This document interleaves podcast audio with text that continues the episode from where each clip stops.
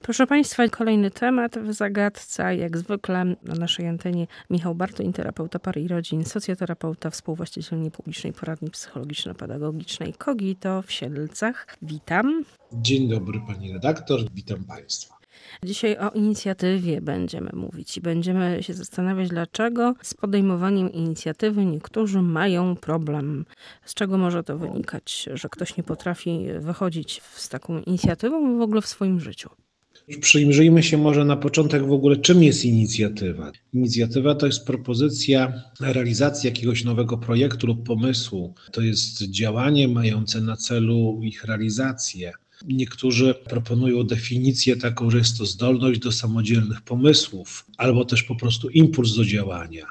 To przedsiębiorczość, pomysłowość, gotowość do realizacji projektu. Inicjatywa jest uważana za jedną z kompetencji miękkich. Polega to na tym, że człowiek, który ją posiada, jest otwarty na poszukiwanie nowych pomysłów lub rozwiązań. Człowiek z inicjatywą angażuje się w swoje działania, stara się zmieniać, ulepszać swoje otoczenie. Widzi możliwości, szanse tam, gdzie pozostali dostrzegają nawet zagrożenia. E, I tutaj inicjatywa dotyczy życia prywatnego, zawodowego i niezależnie czy dotyczy życia prywatnego czy zawodowego, e, przynosi szereg korzyści. Przede wszystkim sprawia, że zamiast biernie czekać na zmiany, e, sami je inicjujemy. Zyskujemy wpływy i zaczynamy kształtować swoje otoczenie. Natomiast też inicjatywa ma swoje koszty. Jest to wysiłek, e, większa odpowiedzialność, e, czasami samotność, gdy forsujemy jakieś pomysły, też ciężar bycia inicjatorem jakiegoś projektu.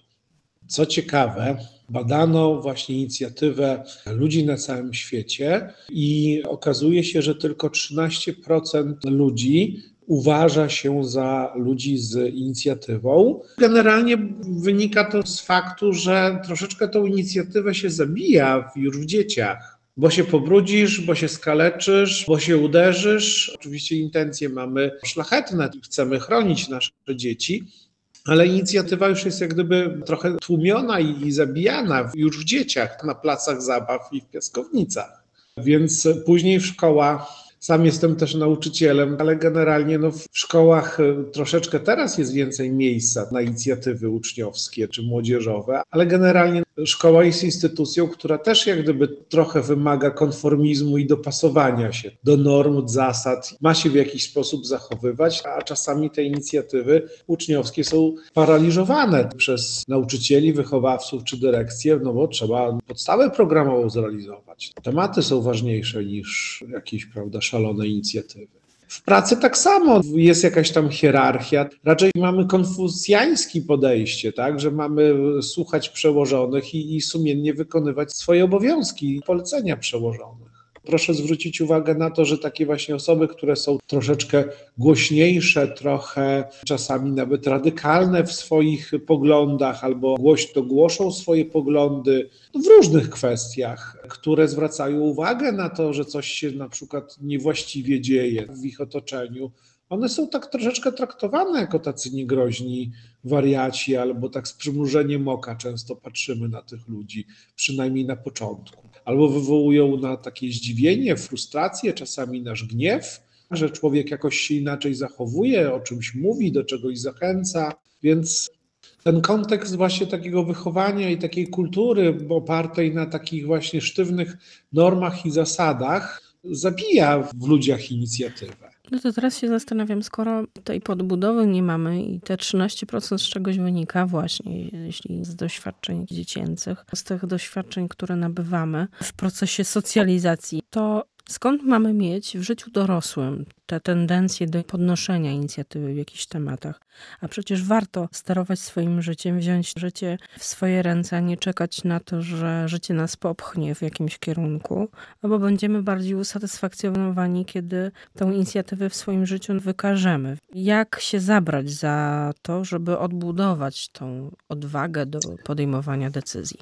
Ja bym zaczął od takiego bardzo prostego testu, takiego kwestionariusza samooceny. To jest pięć prostych, aczkolwiek niełatwych do zmierzenia się z nimi pytań, gdzie właśnie można sobie określić poziom swojej inicjatywy.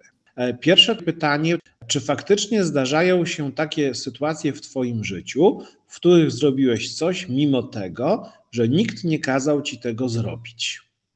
I tutaj chciałem podkreślić właśnie, że to nie chodzi o to, że mamy postępować wbrew komuś, tylko że właśnie robimy sami z własnej woli, że nikt nam nie każe czegoś zrobić, a my to robimy, bo uważamy, że to jest słuszne i dobre. Drugie pytanie brzmi: w jakich codziennych zachowaniach przejawia się Twoja inicjatywa w życiu zawodowym? Czyli jak często idziesz na przykład do szefa, do kierownika z jakimś pomysłem, jak często zachęcasz koleżanki i kolegów z pracy do realizacji jakiegoś projektu. Czy myślisz, czy myślałeś, czy może wymyśliłeś już to i założyłeś na przykład swoją własną firmę? Albo gdzieś pracujesz i robisz jeszcze oprócz tego coś.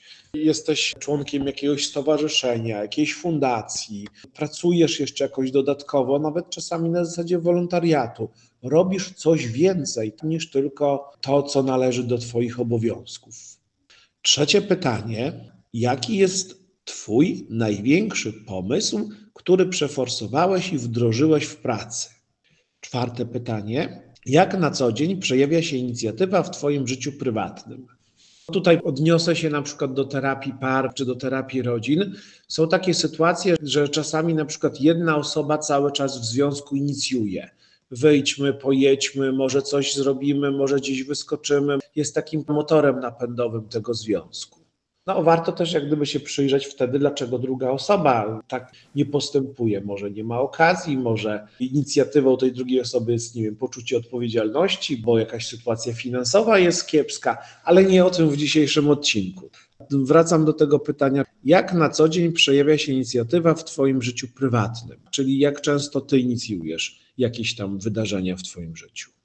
No i ostatnie pytanie: jakie możesz podać przykłady swojego zachowania z ostatniego tygodnia, które dowodzą, że wykazujesz się inicjatywą? Odpowiemy na te pytania. Coś nas blokuje zazwyczaj, jeśli te odpowiedzi nie są twierdzące, jeśli takich inicjatyw w życiu jest niewiele to warto sobie odpowiedzieć na pytanie, co nas powstrzymuje. No i najczęściej pewnie odpowiedź byłaby, bo się boję skutków, albo nie wiem, co będzie, jak to zrobię. Zazwyczaj mhm. za tym jest jakieś uczucie, czy to strachu, czy też jakaś blokada. Jak przekierować takie uczucia, czyli co zrobić, żeby się ich pozbyć. Dlaczego pani redaktor chce się pozbywać strachu? bo jeśli jest to powód, dla którego nie mam tej inicjatywy, no to muszę go jakoś wyeliminować. nie, bardziej, od, nie, bardziej oswoić, bardziej właśnie się z nim zakolegować, bo e, każda emocja jest dobra. Strach nas właśnie troszeczkę ostrzega i daje nam taką informację, że jesteśmy no, narażeni na jakieś ryzyko. Ale wszystko, co w życiu robimy, wiąże się z jakimiś kosztami, wiąże się z ryzykiem. Każda praktycznie nasza decyzja życiowa jest związana z konsekwencjami. I gdy my sobie to uświadomimy, że jeżeli podejmiemy taki, a nie inny krok życiowy, a nie inny, to tracimy jakieś tam szanse, a daje nam to takie możliwości. Warto zacząć od takiej troszeczkę zmiany właśnie filozofii życiowej i postrzegania w ogóle świata jako takiego bilansu zysków i strat. Bo my bardzo często popadamy w takie skrajne myślenie, że albo właśnie tylko widzimy potencjalne zagrożenia, potencjalne straty, albo jesteśmy bardzo mocno nastawieni na zysk, na zwycięstwo, na wygraną i też później to nie zawsze następuje i, i wtedy bardzo boleśnie odczuwamy porażkę.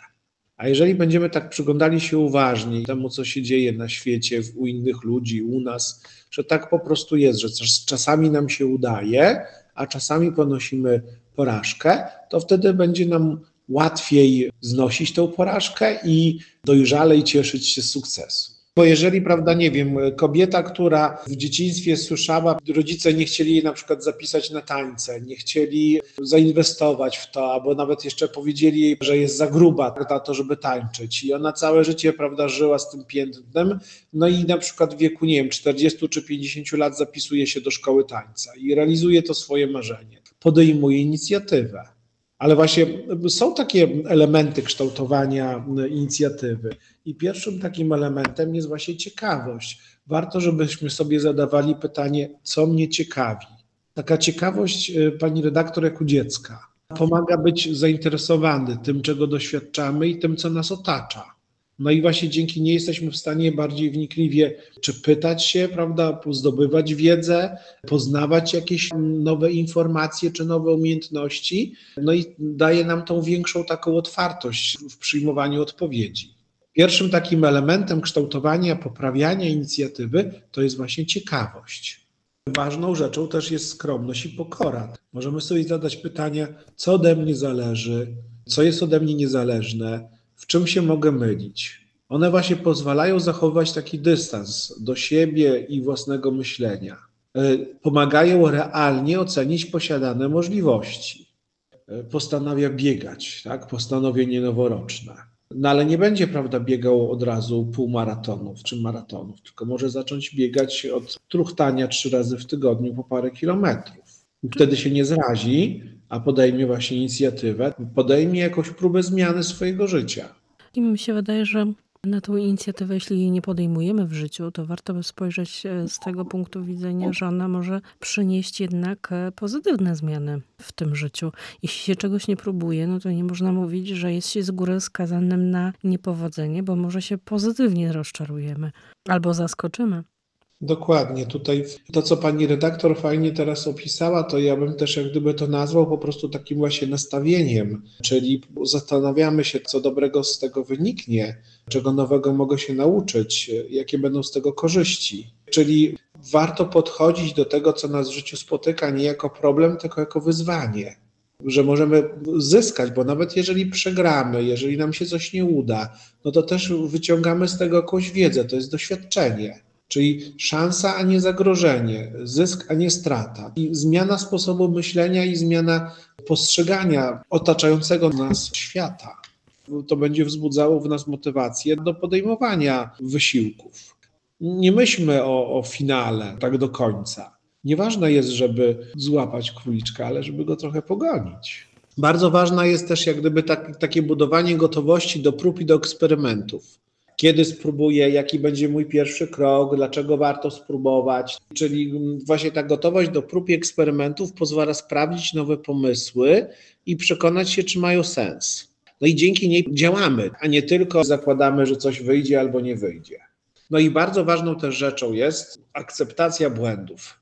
To daje przyzwolenie na to, że efekty naszych działań nie muszą być idealne, a uchybienia czy błędy po prostu można zauważyć i, i spróbować poprawić. I to też jest inicjatywa. A właśnie. Z tą myślą Państwa zostawiamy. A dziękuję bardzo za to spotkanie. Michał Bartoń był moim Państwa gościem. Dziękuję Pani redaktor, dziękuję Państwu. I przypominamy, że audycje znajdą też Państwo w serwisie Spotify i podcaście. Linki jutro na Facebooku Radia Podlasie.